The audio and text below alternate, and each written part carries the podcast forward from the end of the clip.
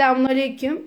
Hayırlı, bereketli e, ve Esma Hüsna dersi gecesi olması niyazıyla Özbillahimineşşeytanirracim Bismillahirrahmanirrahim diyerek bugün bu geceki dersimize başlıyorum.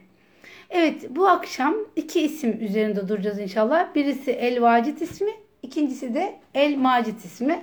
Ama bu isimler Kur'an-ı Kerim'de geçen isimler değil. Yani bu isimleri e, isim formunda görmüyoruz. Fiil formunda görüyoruz. E, dolayısıyla hani Kur'an-ı Kerim'deki e, Kur'an-ı Kerim'de olan isimler arasında saymıyoruz ama İbn Mace, İbn Davud e, gibi bir takım e, hadis e, kitaplarında gördük yani hadis kitaplarında bunlar esmalar içinde sayıldığı için onlar alınmış durumda. Yani o 99 rivayetin içerisinde geçiyor. Biz de o 99 rivayeti bozmadan devam ettiğimiz için ben bu iki isim üzerinde bu akşam inşallah durmaya çalışacağım. Yani bu iki isim hangi manalara geliyor? Alimler bunları hangi manalar üzerinden değerlendirmişler? Ee, Kur'an-ı Kerim'de bu isimle ilgili geçen kelimeler e, bize ne söylüyor? Bunlar üzerinde duracağız ve e, bunun dışında da bu isimler yani bu e, kelimelerin köklerinden gelen kullandığımız bazı kavramlar var. Bu kavramlar ne ifade ediyor? Bunlar üzerinde duracağız. Evet şimdi el-vacitten başlıyorum. El-vacit dediğimiz zaman genel manalar olarak vacit demek var olan ve her şeyi var eden vecideden geliyor çünkü var olan ve her şeyi var eden icat eden varlığı kendinden olan dilediğini istediği anda var edip yaratan anlamlarına geliyor. Yani ona karşı hiçbir şey kendini gizleyemez. İstediğini istediği vakit bulan demektir. Ee, istediğini bulan kendisinden hiçbir şey gizli kalmayan, hiçbir şeye muhtaç olmayan anlamlarına geliyor. Yani ona karşı hiçbir şey kendini gizleyemez diyebiliriz kısaca. Yani vacit olan Allah, e, vacit vücut bulmak var olandır bir vücuttur ve ona karşı hiçbir şey kendini gizleyemez. Çünkü her şey onun e, onun yanında bulunmuş yani varoluşuyla bulunmaktadır.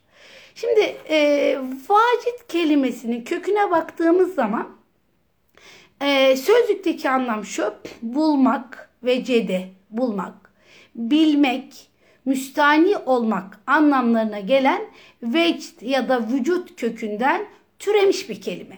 Demek ki kelimenin e, kök manası bulmak, bilmek. Yani vecettü buldum.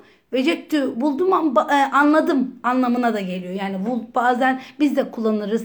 Buldum, anladım anlamında. Hatta mesela İngilizce'de de vardır. Get almaktır ama I got dedikleri zaman ben aldım anlamındadır. Aynı şekilde vecede kelimesi de bulmak, bilmek, yani bulunca bilmek, mustani olmak anlamlarında vecd ya da vücut kökünden geldiğin gelen bir isim. E, gelen bir kavram.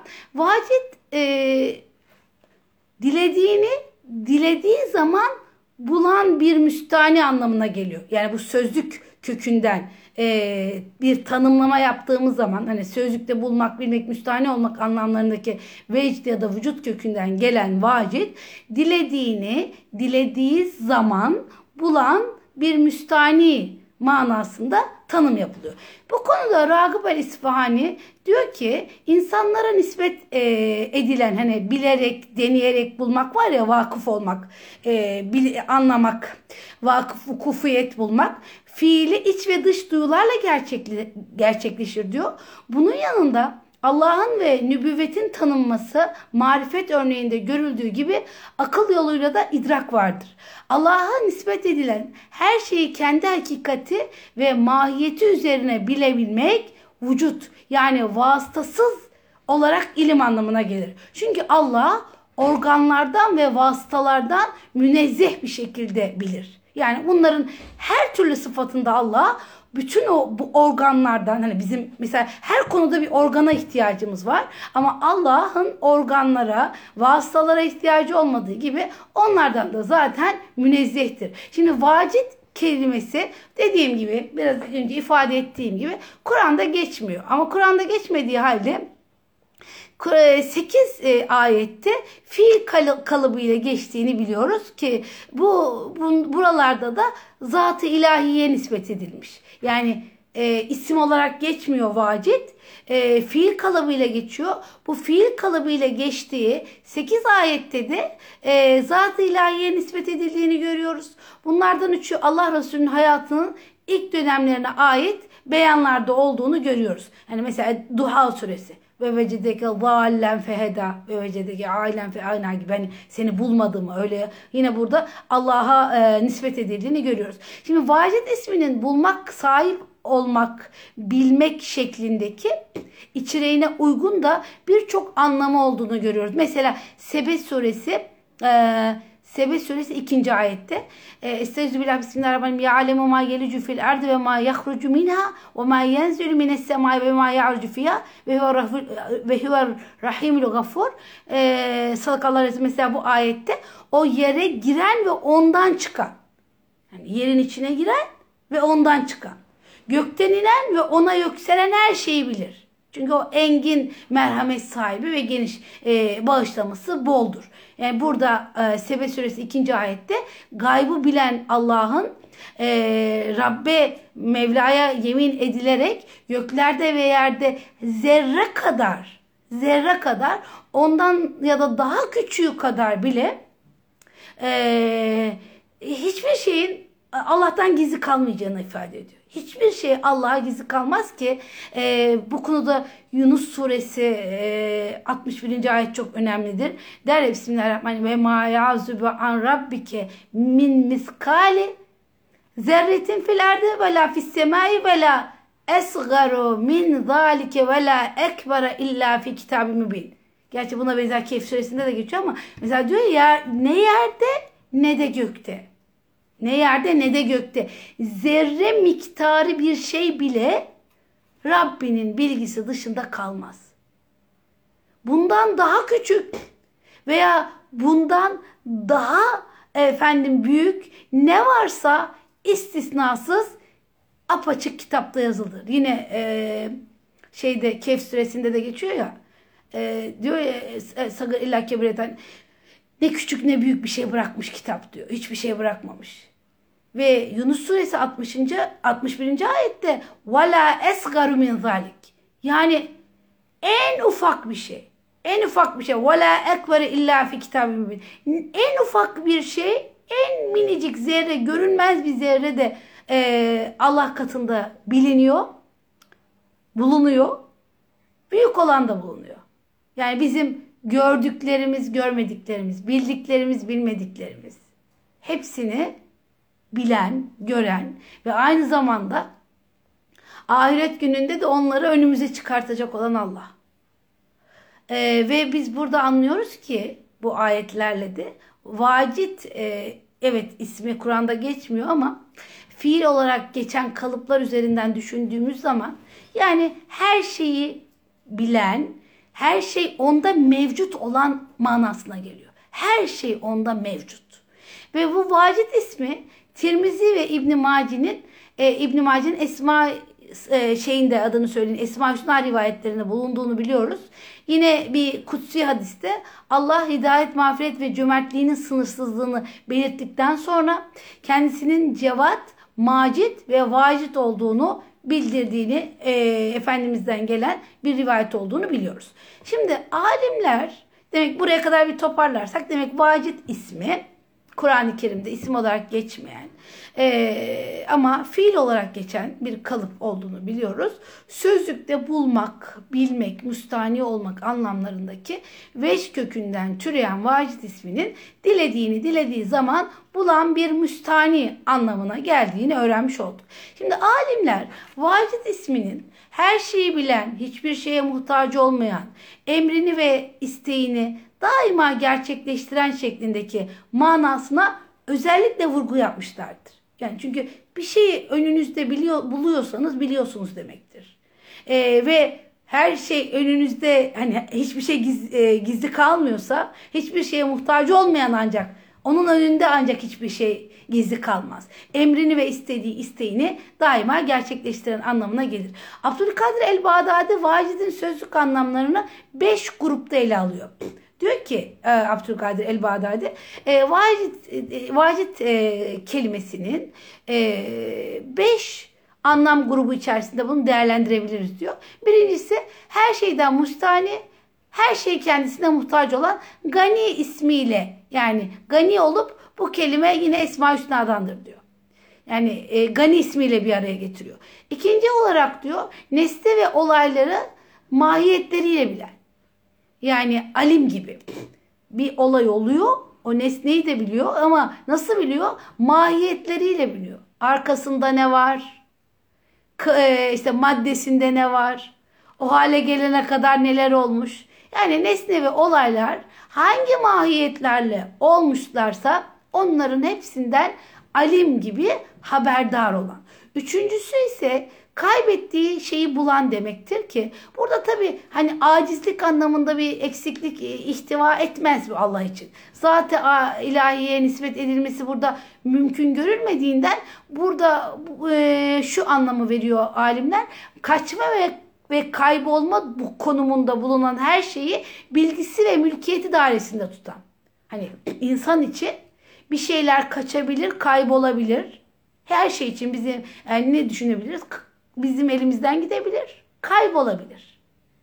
Bu konumdaki, bu konumda bulunan her şeyi bilgi, her şeyin bilgisi ve mülkiyeti, her şeyi bilgisi ve mülkiyeti dairesinde tutan anlamını vermişler. Yani e, üçüncü anlam olarak kaybettiği şeyi bulan anlamını tabii ki zat-ı ilahiyeye böyle nispet etmiyorlar. Çünkü kaybettiğini bulacak olanlar insandır. İnsan kaybeder. Ya da yaratılmışlar kaybeder. Fakat Allah'ın kaybetmesi ya da ondan bir şeyin kaybolması ya da ondan bir şeyin firar etmesi diye bir şey söz konusu olmadığından dolayı kaçma ve kaybolma konusunda bulunan her şeyi bilgisi ve mülkiyeti dairesinde tutan anlamına geliyor. Ee, üçüncü mana olarak böyle bir mana vermiş Abdülkadir el-Bağdadi. Dördüncü mana ise gazap eden anlamı olup Allah'a izafe edilmesi durumunda diyor ki düşmanlarına gazap eden zalimleri dünyada ve ahirette cezalandıran yani muntekim manasına gelir diyor. Beşinci olarak da seven. Burada bir veşt manası var ya veşt. Bu da Allah'ın kulunu sevmesidir diyor. El Esma ve Sıfat e, şeyinde kitabında e, Abdülkadir El Bağdadi e, El Vacit ile ilgili diyor ki bu isim e, beş e, manaya gelmektedir beş grupta topluyor.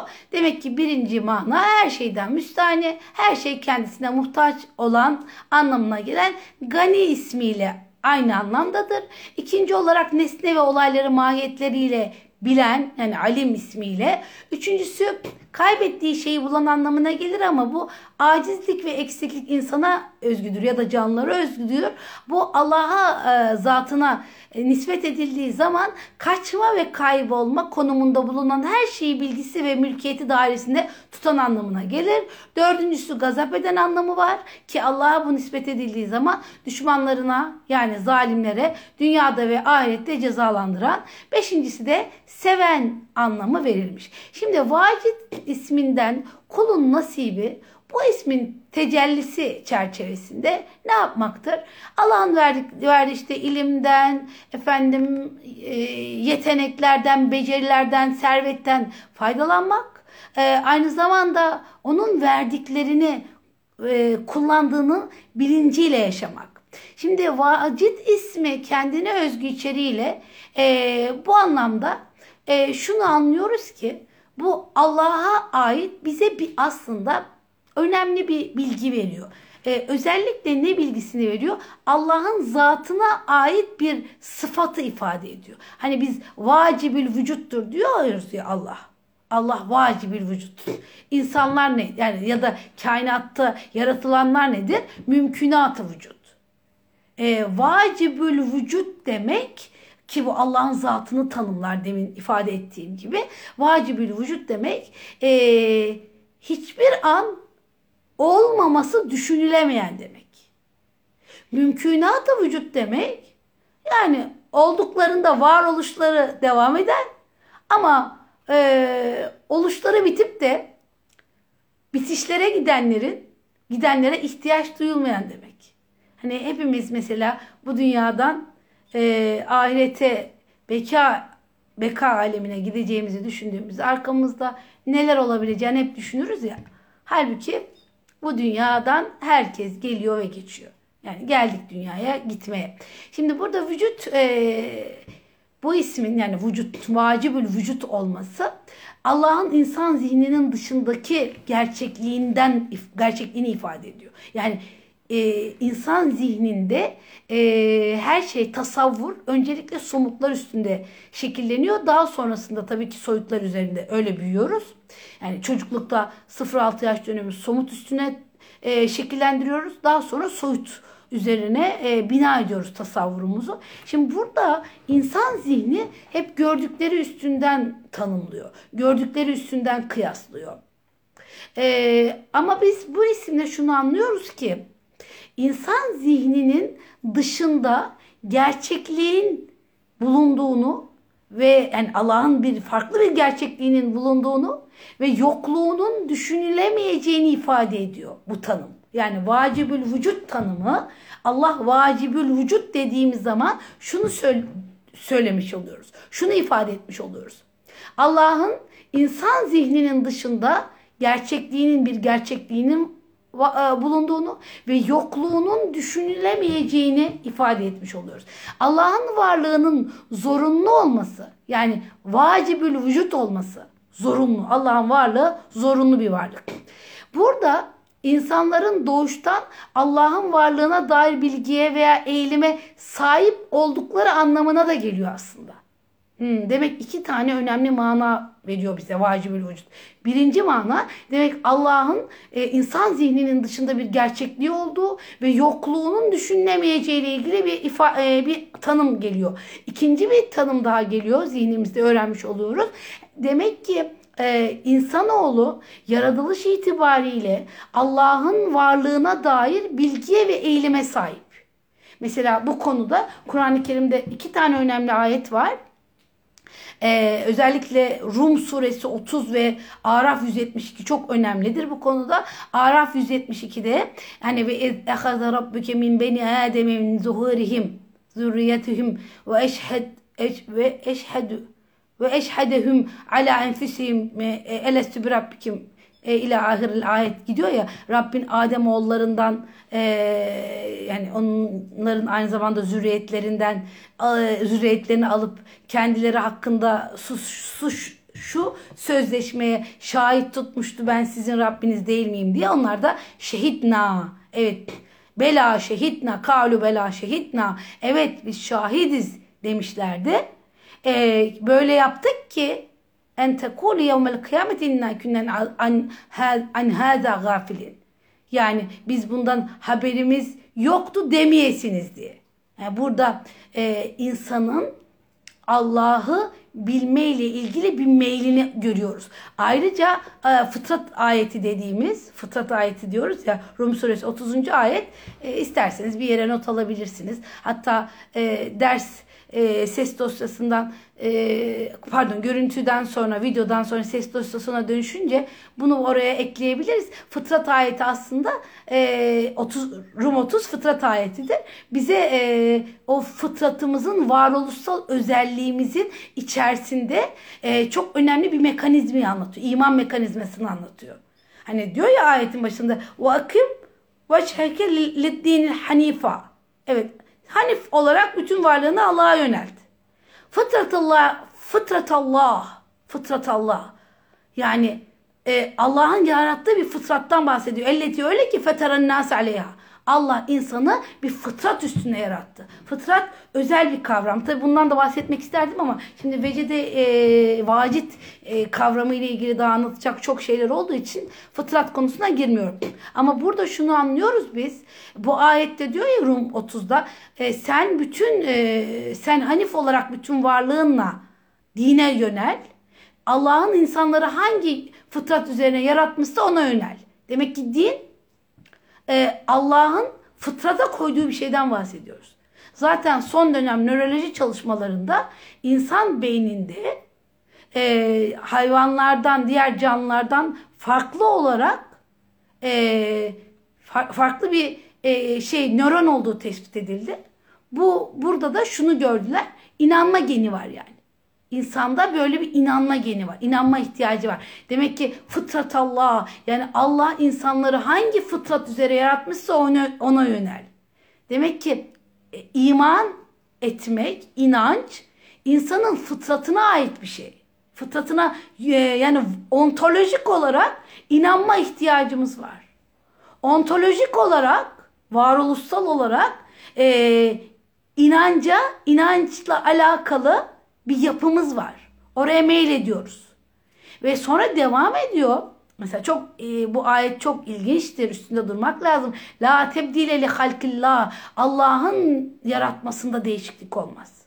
Hani Allah'ın yaratması e, hani o sünnetullah'a göre yaratmıştır. Geçen derslerde anlatmıştık ya hududullahla sünnetullah. Sünnetullah belli kanunlar içerisinde yaratması, hududullah da sınırlar koyması.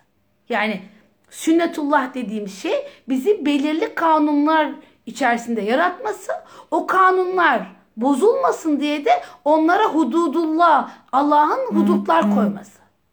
Yani e, işte araba gidiyor, gitmesi çok güzel ama vides gerekiyor.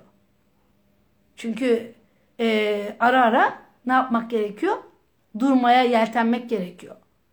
E, ara ara yavaşlamak gerekiyor. Fıtrat böyle bir şey. Ve demek ki insanın fıtratı için, fıtrat dediğimiz o öz için, e, o özde bir inanma kabiliyeti var. Bir inanma e, ihtiyacı var. Aynı zamanda demek ki bir inançla yaşama temayülü var.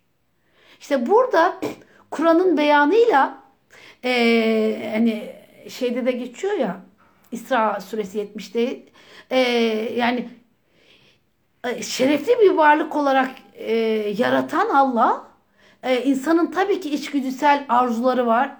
Dıştan gelen vesveseler var. Bunlar onun o fıtratını ne yapabilir? Bozabilir. Ama Allah işte hududullah diyoruz ya o belirli hudutlarla ne yapmıştır? E, kişinin yaratılışını bozmaması için onu çerçeveleşmiştir. Hani herhangi bir emek ile bir şey meydana getirdiğimiz zaman ne yaparız? Ona zarar gelmesin diye olabilecek zararlara karşı sınırlar koyarız.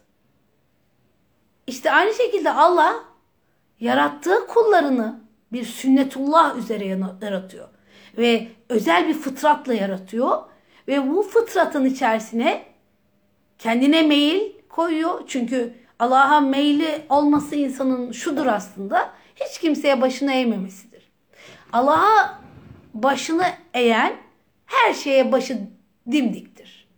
Ama ee, ola ki Allah'a başınızı eğmiyorsanız herkese başınız eğiktir. E, burada işte biz e, şunu anlamış oluyoruz. Vacibül vücut olan Allah insan zihninin dışındaki gerçekliğin bulunduğunu ve yokluğunun düşünülemeyeceğini ifade eden bir kavram. Aynı zamanda kavram bize ikinci bir mana veriyor. İnsanların doğuştan Allah'ın varlığına dair bilgiyle dünyaya geldi bir fıtratla, özel bir fıtratla Rum 30. ayette de bildirildiği üzere özel bir fıtratla dünyaya geldiğini anlamış oluyoruz. Şimdi buraya kadar tabi Allah'a bakan taraflarını görmüş olduk. Ama bu vacit e, kelimesinin içerisinde e, aynı kökten gelen vicdan kelimesi var. Vicdan kavramı var. E, bir de veşt kavramı var. Bu akşam inşallah vicdan kavramı üstünde biraz durmak istiyorum. Arkasından da veşt kavramı, sonrasında da Elmacit ismine geçeceğim. Şimdi vecd kavramı e, yani pardon vicdan kavramı ilk önce onun üstünde duralım. Vicdan kavramı yine e, vecede kelimesinden gelen, aslı vecede kelimesinden gelen bir kelime, bir kavram. E, vecd, vicdan ve vücut Arapça aynı vecede fiilinin mastarları. Yani o zaman ne anlıyoruz? Vecd, sevgi, muhabbet, aşk gibi anlamlara geliyor. Yani vacit olan Allah'ın e, kulda kula ikram ettiği bir vecd var. İşte bu da sevgi, muhabbet, güçlü duygu.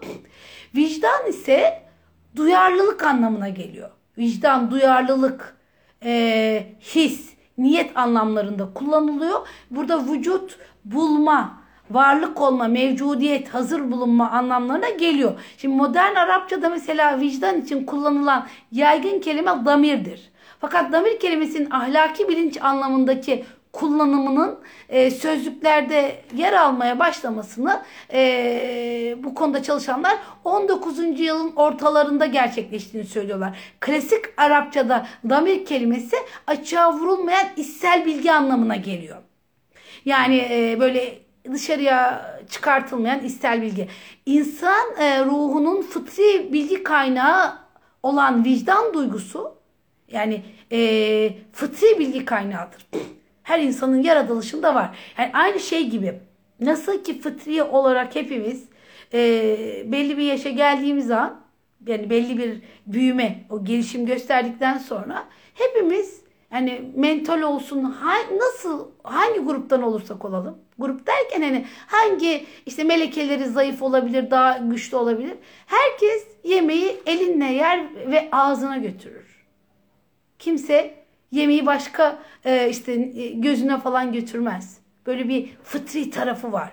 Aynı şekilde e, vicdan dediğimiz şeyde e, bir kaynak, fıtri bir kaynak. Bu e, insan ruhunun fıtri bir bilgi kaynağı. Demek ki vicdan insan ruhunun fıtri bilgi kaynağı. Şimdi vicdan Arapça bir kelime olup dediğim gibi hani vecede kelimesinden e, türetilmiş. Sözlükte bulmak, mal sahibi olmak, zenginleşmek, sevmek, üzülmek, öfkelenmek anlamlarına da geliyor. Ama e, daha çok şöyle tanımlanıyor. Doğruyu yanlıştan, iyiyi kötüden, hayrı şerden ayırt edebilme becerisine sahip olan ruhun manevi bir kuvveti olarak tanımlanıyor. Demek vicdan dediğimiz şey neymiş?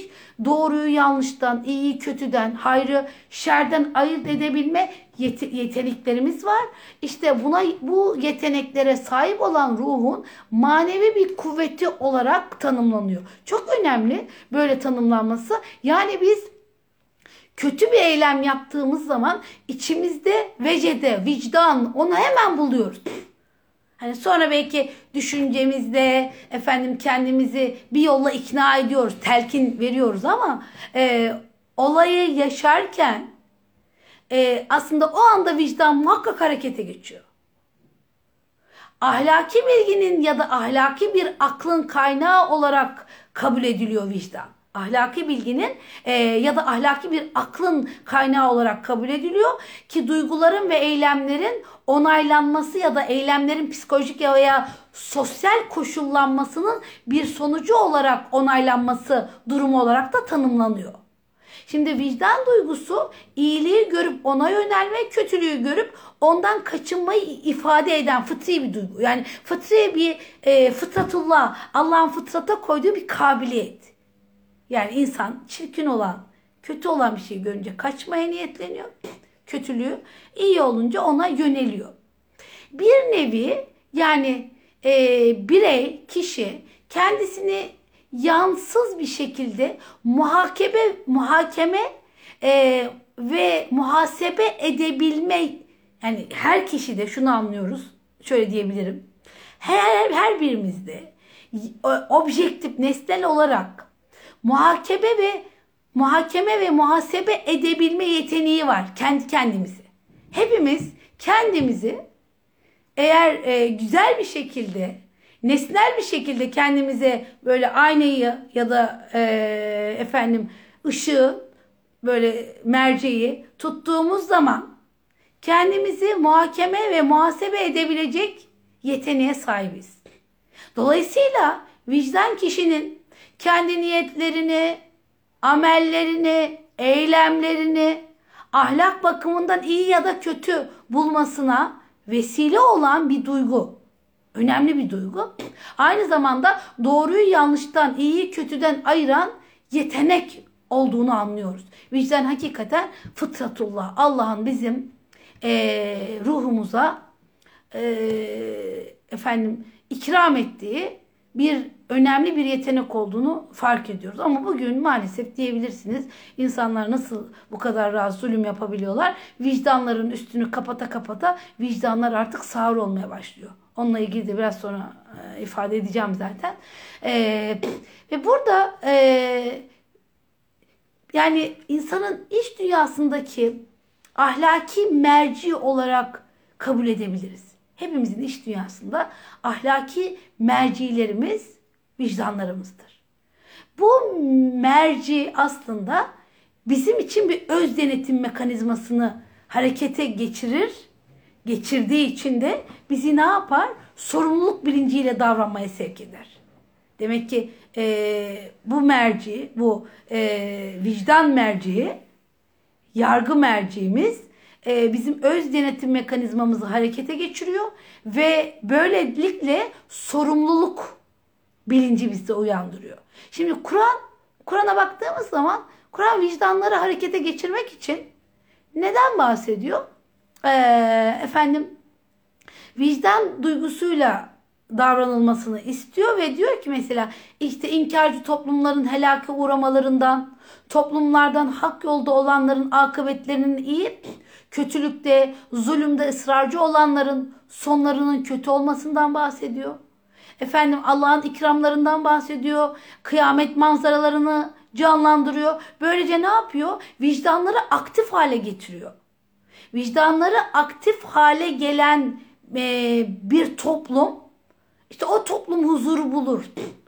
Ama vicdanlar aktif değil de pasif bir hale gelmişse artık o toplumda bozulmalar başlamıştır. Zulümler başlamıştır. İşte birçok olumsuzluklar meydana gelmiştir. Şimdi burada e, Arapçada duysal, duygusal ve içgüdüsel psikolojik durumları anlattığı düşünülüyor vicdan kelimesinin. Yani Türkçe'de daha çok tutum ve davranışların ahlakiliği ile ilgili duygusal ve içgüdüsel e, durumları anlatırken e, Arapçada daha geniş bir şey var. Vicdan kelimesi Arapçadan Türkçe'ye geçerken hani anlam daralmasına uğradığını anlıyoruz. Ve biz burada şunu çok net bir şekilde söyleyebiliriz. Yani iyi ve kötünün, doğru ile yanlışın ne olduğu üzerindeki içten bilme, o iç ses, iç kabiliyeti anlamış oluyoruz. Ve burada vicdanın üç boyutu var. Demek ki vicdan bu anlattık bu kadar. Hani işte hepimizin e, fıtrat olarak Allah'ın hepimizde donanım olarak bize yerleştirdiği önemli bir duygudan bahsediyoruz. Ve işte vicdanın üç boyutundan bahsediyor e, alimler. Diyorlar ki e, birincisi vicdan insanın ahlak değerleri üzerine dolaysız ve kendiliğinden yargılama gücüdür. Demek ki üç boyut var. Birinci boyutunda insan e, kendini ahlaki değerler üzerinden ne yapıyor? Yargılama gücü. İnsan demek kendini e, yargılayabiliyor. İkinci boyutu insanın kendi davranışlarının ahlakça değerli olup olmadığı üzerine öznel bir bilinç oluşturması. Yani bir bilinç oluşturuyor ki bu bilinç e, örgütleniyor sonra ve e, ne yapıyor? Kişi böylece yapıcı, yapabileceği olumsuz davranışlara karşı kendini korum, korumuş oluyor. Son olarak üçüncü olarak vicdan içimizdeki bir ses ya da ilahi bir ses olarak yorumlanıyor. Ee, yani her insanın içinde ilahi bir ses var. Yani nasıl ki Kur'an ilahi bir mesaj, o mesajın karşılık bulduğu yani o mesajın ahlaki boyutunu e, objektif olarak değerlendiren muhatap da o vahyin muhatabı da bizlerin vicdanı. E, Akseki Hoca ahlak derslerinde vicdanı insanın içinde olan bir meleke olarak anlatıyor. İnsanın içinde olan bir kuvvet olarak tanımlıyor ve de diyor ki bu kuvvetin görevi hayrı şerden, fazileti reziletten ayırmak, kişiyi hayra yöneltip e, şerden alıkoymaktır diyor. E, yani Akseki Hoca'nın bu şeyi de çok güzel. E, ahlak derslerinde e, bunu böyle tanımlıyor. Diyor ki vicdan insanın içerisinde bir melekedir, bir kuvvettir. Yani e, olanı hemen görür o aynada kişi. Böylece hayırlı şerden, fazileti reziletten ayırır. Kişiyi böylece kişi kendine hayra doğru yönelir, yöneltmiş olur. Şerden de alıkoymuş olur. Vicdanlık diyor, vicdan diyor, şaşkınlık anında iyiye ve doğruya doğru emirler verendir. Tabii ki vicdanınızın perdesi kapalı değilse. Eğer içgüdülerin hakim olduğu bir vicdandan bahsediyorsak artık onun için içgüdülerinin e, nesnelliği üzerinden bir bakış açısı vardır. Vicdan bizi hem ahlaki davranışta tutarsızlıklardan kurtarır hem de e, ne yapar?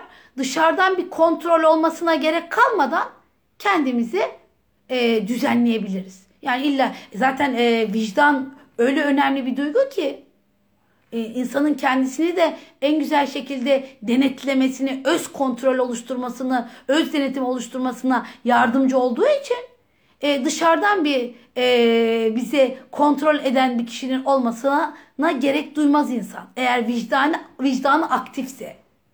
Böyle olmasaydı diyor e, Hayat Hökelekli Hoca, e, herkesin peşinde bir an, her an bir polisin ya da müfettişin olması gerekirdi diyor. Yani e, eğer vicdan Allah'ın koymuş olduğu bu fıtrata koymuş olduğu vicdan hem ahlaki davranışta tutarsızlıktan insanı kurtarır diyor hem de dışarıdan bir kontrol olmadan ahlaklı davranmasını sağlar diyor.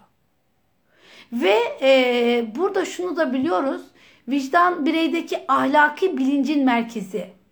Ve vicdanı çocukta doğuştan gelen bir istidat olarak görüyor alimler. Bu istidadı geliştirmekte işte annelerin, öğretmenlerin elinde. Artık ondan sonrası da çocuğun e, kendine ait karar. Şimdi hadislerde vicdan kavramına daha çok kalp kelimesi e, etrafında temas edildiğini görüyoruz. Ahlaki yeteneklerin merkezi sayıldığı için kalp temiz yaratılmakla birlikte günahlarla da kirletilebileceğini biliyoruz. Yani e, biz Kur'an'a göre şunu biliyoruz ki insan tertemiz yaratılmıştır. İnsanı Allah en güzel şekilde yaratılmıştır. Ama insan eylemleriyle, efendim söylemleriyle kendini esveli safiline ne yapabilir? Aşağı doğru indirebilir. Yani ahlaki yetenek merkezi olarak e, kalbin temizliği ya da kirliliği kişinin eylemleriyle alakalıdır. Hani Mütaffifin suresinde 14. ayette diyor ya onların kazandıkları kalplerini paslandırdı. Demek kalp paslanıyor. Kalp gitgide kararıyor, paslanıyor. Neyle? Eylemlerle, kötü eylemler kalbi paslandırıyor. İşte burada Efendimiz sallallahu aleyhi ve sellem buyuruyor ya müftüler sana fetva verse de sen yine kendi kalbine tanış, fetvanı kalbinden al. Yani sana birileri yaptığının e, efendim birçok ruhsatını verebilir. Aman üzüme kendini. Bu kadar da e, şey yapmaya gerek yok. Üzülmeye. Herkes neler yapıyor falan diye seni rahatlatabilir. Ama sen kalbine dön bak diyor. Ve İslam dini insanın e, aklının ve kalbinin sesini dinleyerek bizzat kendi iradesiyle kendi ahlakını düzeltip geliştirmesini istiyor. E, bunun için de ona vahiy ile yol gösteriyor. Şimdi e, vicdan, ahlak ve değerler eğitimi ilişkisine dair hayatı e, yine Hökelekli hocanın bir şeyi var. Onu da söyleyip yavaş yavaş e, vicdan konusunu tamamlayacağım. Ahlak ahlaklılık diyor kişinin kuvvetli bir vicdana sahip olmasıdır. Vicdanlı insan kendi içinde kendi davranışlarını idare ve kontrol eden bir mekanizma kurmuştur. Yani bir vicdanlı bir insan varsa anlarız ki o kendi içerisinde kendisini davranışlarını idare edebilecek ve kontrol edecek bir mekanizma kurmuştur. Bu mekanizma gelişi güzel, gelişi güzel değil de sistemli olduğu için davranışlarda diyor tutarlılık meydana gelir. Vicdanlı insan için sahip olduğu ahlaki kural ve değerlerin her yerde ve her zamanda geçerli olduğuna inandığı evrensel bir değeri vardır.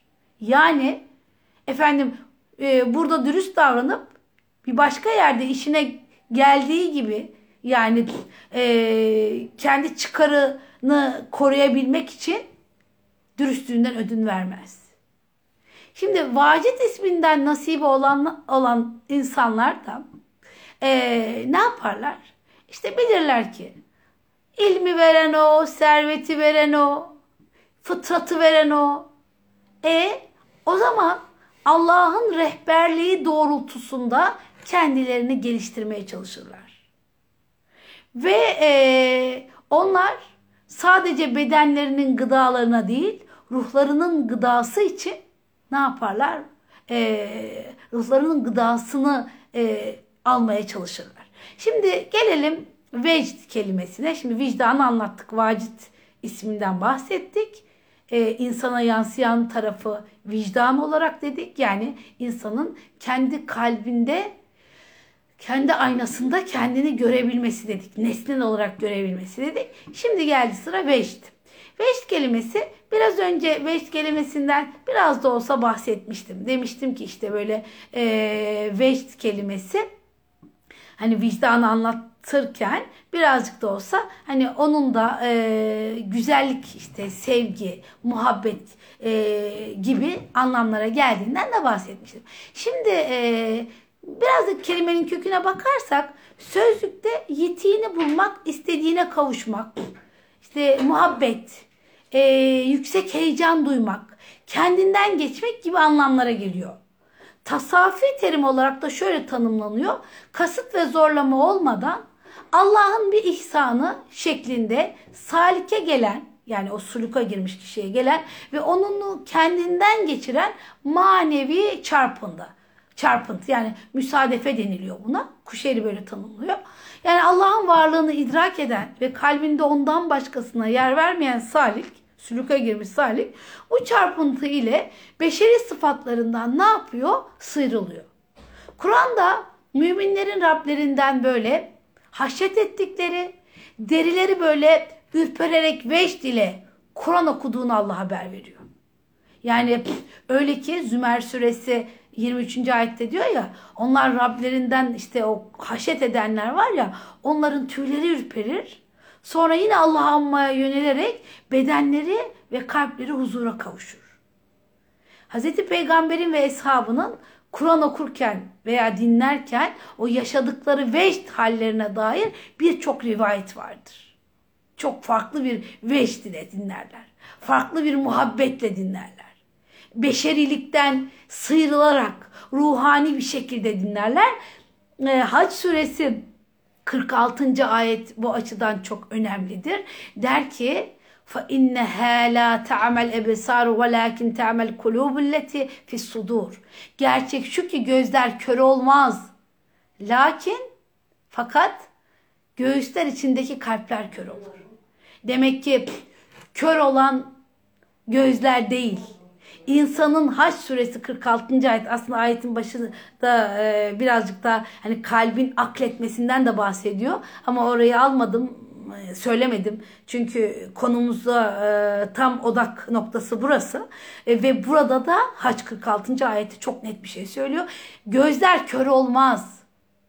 Asıl kör olan o göğüsler içindeki kalpler kör olur diyor. Ve e, bunu e, Tevil eden sufiler şöyle diyorlar. Kalpte bulunan sevinç ve üzüntü e, türünden her duygunun kalbin işitmesi, görmesi ve ürpermesi anlamında birer vecd olduğunu, vecde Allah'a yakınlaşma ile ger- gerçekleşen ilahi bir emir, varidat, tecellilerin doğurduğunu, vecdin ortaya çıktığı ilk yerin kalp olduğunu söylüyorlar.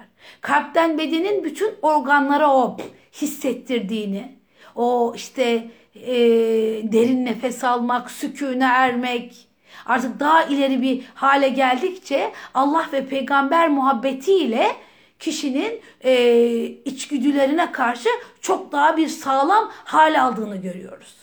Demek ki e, vecd halinin olabilmesi için bir kere kalp kalbin böyle gören bir kalp olması lazım. Kalbin böyle tam anlamıyla görebilmesi lazım. Sufilere göre e, dini duygu ve heyecanlar üç şekilde ortaya çıkıyor. İrade ile vecde gelmeye tevacüt deniliyor. Yani irade ile böyle o muhabbete gelmeye tevacüt. İradesiz vecde gelmeye vecd deniliyor.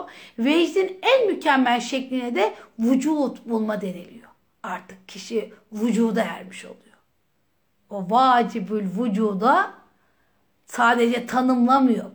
Onu artık e, bulma, onu hissetme haline gelmiş oluyor. Demek ki vecd üç şekilde ortaya çıkıyor. Bir irade ile vecde gelmeye tevacüt deniliyor. İradesiz vecde gelmeye vecd deniliyor. Vecdin en mükemmel şekline de vücut deniliyor. İbn Arabi vecdin e, teskiye edilmiş bir nefse ve tasfiye edilmiş bir kalbe beklenmedik bir şekilde geleceğini söylüyor. Yani ne demek istiyor? İbn Arabi şöyle diyor. Vecd o duygu, o muhabbetin yoğun olma duygusu, hani vecde geldi o muhabbetin yoğun olma duygusu teskiye edilmiş. Yani ne demek? Teskiye edilmiş demek, temizlenmiş demek. Ve tasfiye edilmiş. Teskiye edilmiş bir nefse, teskiye edilmiş bir nefis demek yani kendisi zekat kalıbından geliyor. Temizlenmiş bir nefse ve tasfiye edilmiş kalp. Tasfiye edilmiş kalp de böyle saf yani. Pırıl pırıl. Üstünde e, paslanma yok. Pas yok üzerinde. Öyle tertemiz bir kalp, tasfiye edilmiş bir kalbe geleceğini söylüyor. Yani bir e, diyor ki eğer bir e, nefis teskiye edilmemişse ve kalp de tasfiye edilmemişse öyle saf bir hale, berrak bir hale gelmemişse o zaman veş duygusu oluşmaz diyor.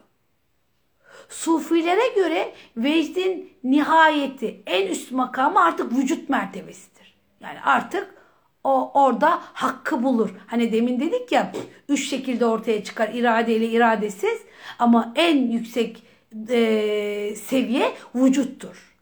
Ve işte orada şöyle derler, şöyle dua ederlermiş. Ey hakkı bulan kişi sanma ki sen onu kendi eline olan bir güçle buldun. O buldurmazsa sen nasıl bulursun? Ve ey hakkı bulamayan kişi o kendisini sana buldurmadı sanma. Sen onu aramak için verilen gücü yanlış yerlerde tükettin. İşte vecd, o vecd halinden vücuda gelebilmek için kalp, nefsin teskiye, kalbin tasfiye olması lazım. Bu gecenin sözü de bu olsun. Nefsin tesfiye, teskiye, kalbin tasfiyesi insanı vecde götürür. İnsanı öyle bir muhabbete, Allah muhabbetine vecde götürür ki artık orada vicdan da aynı halindedir. Vicdan da en en parlak bir ayna halindedir. Kişiye kendi hatalarını, kendi vicdanı gösterir. Yani e, insana birileri bir hata söylediği zaman hemen kendini savunmaya geçiyor. İşte bu vecd haline gelmiş olan vicdanlar hataları objektif göre, göre, görebilirler. Evet yapmışım, e, fark ettim, dönmek istiyorum der ve istikamette doğru yönelir. Evet bu akşam e, ilk dersi El Vacit'ti.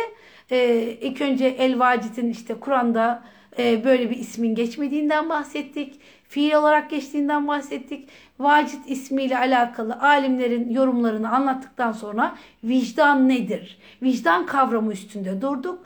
Daha sonra da veşt kavramı üstünde durduk. Hani hepimizin duyduğu daha çok böyle tasavvufta geçen veşt kavramını duyduk. Yani kişinin kalbinin muhabbetle artma, atması ee, ve kalbin artık anlaması kalbin hissetmesi ki burada şey dedik Allah e, Hac suresi 46. ayette buyuruyor ki dedik görmeyen yani gözler görmez değil asıl görmeyen hani ama olan kalplerdeki göğüslerdeki kalpler olduğunu söyledik. İşte kalpleri cilalamak lazım. Mutaffifin suresi 14. ayet öyle buyuruyor. Biraz önce zikretmiştim. Hepimizin eylemleri kalplerini paslandırıyor. E, yaptığımız eylemler ya kalbimizi cilalıyor artık böyle görebiliyoruz ya da kalbi karartıyor. Bir adım ötesini göremiyoruz. Aynı şey gibi düşünmek lazım. Hani sis olduğu zaman nasıl görüş mesafesi kısıtlanıyor ve insan olduğu yerin dışında bir şey olabileceğini tahayyül bile edemiyor bilmese. İşte insanın kalbi de ee, böyle karardıkça, pas tuttukça bir adım ötesindeki güzellikleri göremez oluyor. Sadece olduğu alandakileri güzellik olarak kabul etmeye başlıyor. Evet şimdi Vacit ismini böylece tamamlıyorum. Geldim El Macit'e. Kur'an'da yine geçmeyen isimlerden biri. Bu ismi iki ismi bir arada almayabilirdik belki ama Macit ismini Mecit ismiyle yakın bir bağı var. O açıdan hani Mecit ismini üzerinde de uzun uzun bir ders yapmış olduğumuz için bu derste bunun üzerinde de biraz e, bir şey değerlendirme yapıp konuyu tamamlamak istiyorum. Zaten dersin 50 dakikasını El Vacit'e verdik. Burada da önemli kavramlar üstünde konuştuğumuzu düşünüyorum. Şimdi de El Macit'le alakalı biraz e, genel manalarına bakarak değerlendirmeler yapalım. Yine El Macit de e, Kur'an'da geçmeyen bir isim. Kur'an'da sadece isim olarak Mecit geçiyor. Ama genel mana olarak işte bunu e, kabul eden alimler, isimlerden olarak kabul eden alimlere göre e, yine aynı kökten geliyor. Meş kökünden. Şanı yüce olan, keremi bol olan, yardımı çok olan, inan ve ihsanı bol olan anlamlarına geliyor. Hani o öyle bir macittir ki hiçbir kulunu, kendisine inanan, iman eden hiçbir kulunu hayat yolunda yalnız bırakmaz. E, nice nimetlerle ikramlandırır. Hava, su, ışık, ısı nimetlerini hiçbir yarattığından esirgemez. Şimdi sözlükte asil, şerefli ve seçkin olmak anlamındaki mecd ya da mecade kökünden türeyen mecit e, ya da macit e, as, asil, şerefli, cömert olan anlamına geliyor. Demek ki kelimenin kökü bize şu anlama veriyor. Asil, şerefli, cömert olan. Şimdi mecitle macit aynı e, kökten geliyor. Biri mübalağalı, biri de ismi fail. Yani macit de bu manaya geliyor ama mecit sıfatı müşebbiye olduğu için daha zengin içerikli bir anlamı var. Macit ise şerefli olan ve şerefe erdiren manalarına geliyor. Şimdi bu Allah'a nispet edildiğinde anlamı şöyle veriyorlar alimler. Yetkinliğin karşıtı olan her türlü nitelikten münezzeh, lütuf ve ikramı bol olan. Demek ki neymiş? Yetkinliğin karşıtı olan her türlü nitelikten münezzeh, lütuf ve ikramı bol olan anlamına geliyor ki dilciler mecd kökünün temel manasının bolluk ve genişlikten ibaret olduğunu söylüyorlar. Buna göre şunu anlıyoruz ki ma mecid ve macit kavramlarında zenginlik var, şeref var ve e, derin bir içerik olduğunu görüyoruz. Şimdi mecd kavramına biraz bakalım.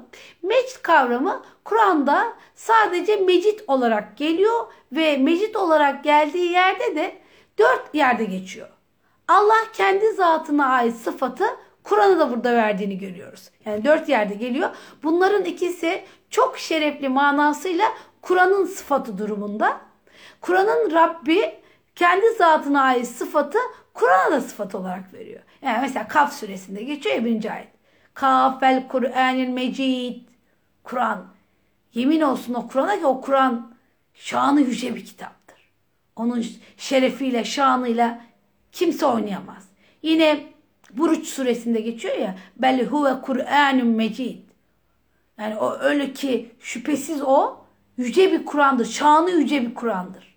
Şimdi burada ayette mecit vasfı Kur'an'ın kaynağının korunmuş ve dokunulmuş olduğunu anlatıyor. Yani dokunulmaz olduğunu anlatıyor. Kur'an'ın kaynağı korunmuştur ve dokunulmaz olduğunu anlatıyor ki Kaf birinci ayette e, yemin vavıyla başlamış. Yani şahit olun.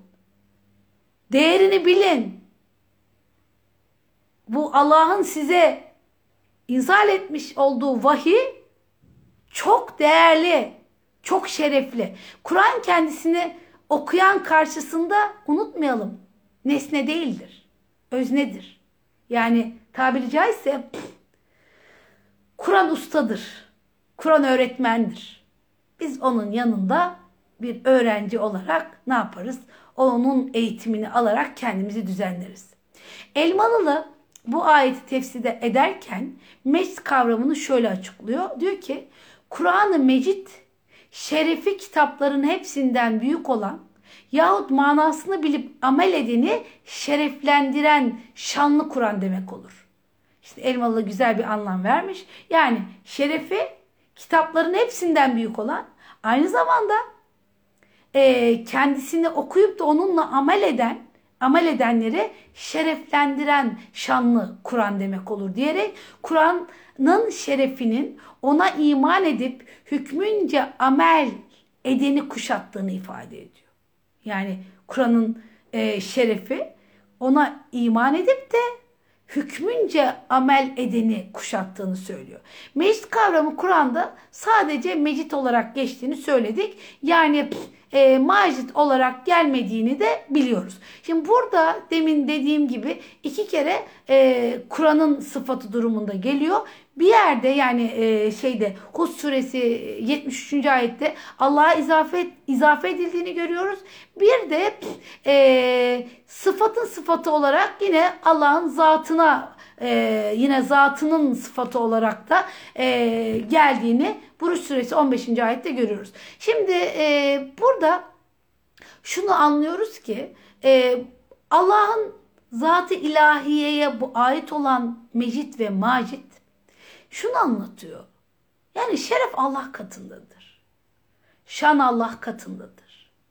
Siz kimse katında böyle şerefli olayım, şöhret olayım, alkışlanayım diye bir amacınız olmasın.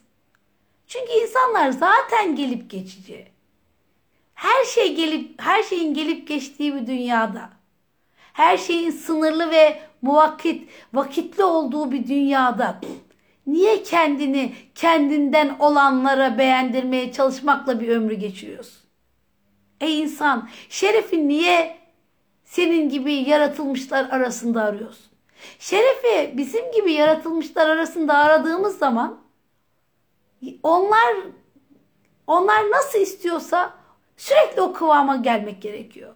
Sürekli rol değiştirmek gerekiyor. Bu da insanı insanlıktan çıkartıyor. Bugün sosyal medyada gördüğümüz gibi. Ee, burada şunu da ifade edelim. Mecit ve Macit isimleri dediğim gibi Mecit Kur'an'da geçiyor, Macit geçmiyor. Ama iki isim de İbn Mace ve Tirmizi'nin naklettiği 99 Esma Hüsna listesinde yer aldığını görüyoruz. Bunun dışında çok sayıda hadis rivayetlerinde her iki isim de zikredilmiş. Özellikle namazlarda selamdan ok önce okunan Hamidüm Mecid isimleriyle sona eren o Allahümme salli ve barik metinleri Kütüb-i Sitte'nin tamamında rivayet edilmiştir. Yani salli ve barik e, duaları, selavatları Zaten Efendimiz'den gelen sadece iki selavat vardır. Hani şu anda 4000'e yakın selavattan bahsediliyor. Görüyoruz ee, işte birçok selavat e, ismi geçiyor. Ama Efendimiz'den rivayet olan, sahih rivayet olan iki e, selavat vardır. Biri Allahümme salli, biri Allahümme barik. Ve bu iki e, selavatın sonunda da Hamidun Mecid geçer. E, bu rivayetlerde Allah bir de e, hani bir rivayette e, Efendimiz'den gelen bir rivayette Allah'ın kendi zatını mecid kavramıyla nitelendiği de söylenmiştir. E, ayrıca Ebul Beka e, temcidin yani zat-ı ilahiyi mecd kavramıyla niteleme la havle ve la kuvvete illa billah ifadesinden ibaret olduğunu söyler. Yani der ki bir kişi la havle ve la kuvvete illa billah diyorsa tamam işte o zat-ı ilahiyeyi meşt ile nitelemiştir. Meşt ile e, onu nitel yani ne yapmıştır? Tanımlamış olmuştur. Yani bilse de bilmese de Allah'ın ne kadar kudretinin büyük olduğunu, şerefinin ne kadar yüce olduğunu ifade etmiştir diyor. Şimdi şan ve şerefle şöhret ve itibarı birbirinden ayırt etmek gerek. Şan ve şeref kişinin bizatihi taşıdığı hasletlere diyoruz hasletlere vurgu yapıldığını söylüyoruz. Şan ve şeref. Ama şöhret ve itibar itibari bir durum. Yani hmm, insanlar bilmez ee, ve insanların peşinden koştuğu şöhretlerle kıyaslanamayacak kadar vakarlı, şeref ve haysiyet sahibi insanlar vardır. Ama bugün insanoğlunun zaaflarından biri yani maalesef kapitalist sistemin dayattığı bir görünme tutkusu e, var ve bu görünme tutkusu modern çağın en yaygın ve en tehlikeli hastalığı. Yani herkes bir görünür olmak istiyor. Bir kendinden bahsedilmesini istiyor. Yani e, önceki İslam medeniyetinin insanlarına bakın. Görünür olmaktan ellerinden geldiği kadar imtina eden bir medeniyetin evlatlarıyız. Biz de olabildiği kadar görünür oluyoruz. Zuckerberg diyor ya gelecek mahremiyetini en çok koruyanların olacak. Çünkü bugün artık mahremiyeti korumamız e, çok zor bir hale geldi. Çünkü e, görünme tutkusu e, var olma yani varoluşsal gayretin önüne geçti.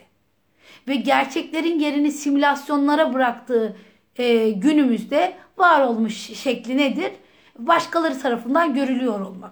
İlginin kendi üzerinde olmasını sağlamak. Yani e, Hannah Arendt'ın dediği gibi vita activa. Sürekli eylem yapıp birilerinin alkışını almak. Ve aslında e, görüntü eksenli bir dünyada anahtar kavram aslında gibi olmak. İnsanlar kendi gerçek kişiliklerini koymuyorlar gibi olmak. Yani genç olmayı istemek de genç gibi olmak e, arasında çok büyük bir fark var.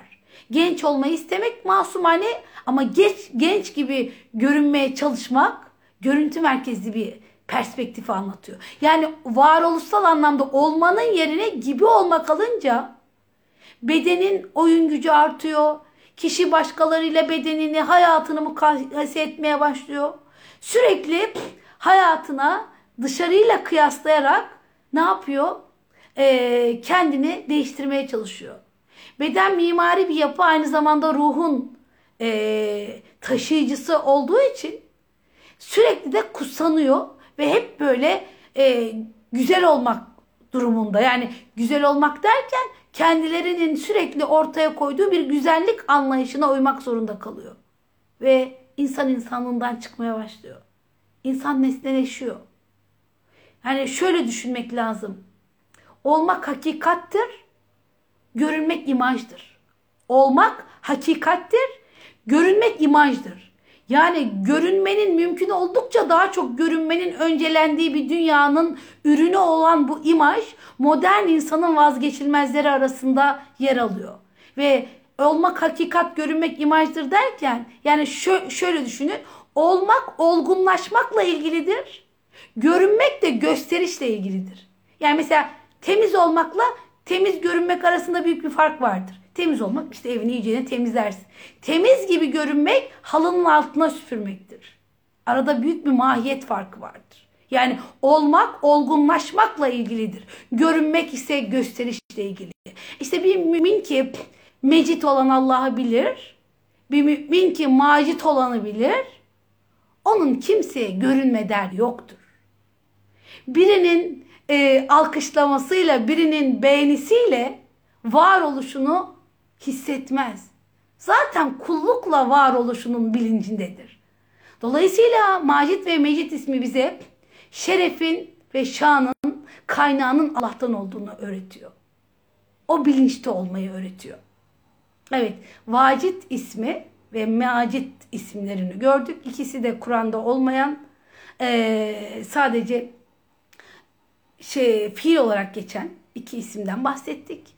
Bu iki ismin bize e, verebileceği, verebileceği tabii çok fazla mesaj var ama e, öncelikle iki mesaj üstünde durduk. Biri vacibül vücut kavramı üstünde, vicdan kavramı üstünde durduk Vacit isminde.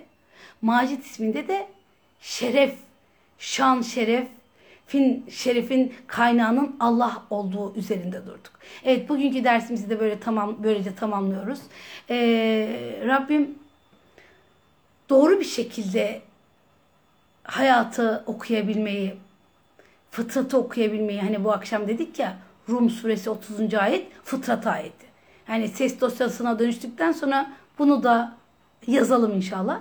Ee, o fıtrat ayeti bize şunu anlatıyor ki her birimizin özel bir fıtratı var ve fıtrat Rabbine meyilli.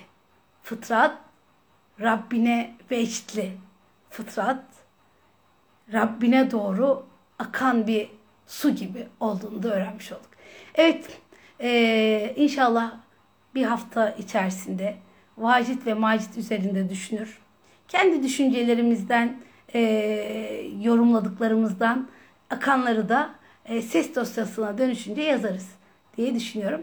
E, efendim bu akşamki dersimizi de burada bitiriyorum. Ve ahiri davana elhamdülillahi rabbil alemin. Allah'ın selamı, rahmeti, bereketi üzerinize olsun. Hayırlı akşamlar efendim.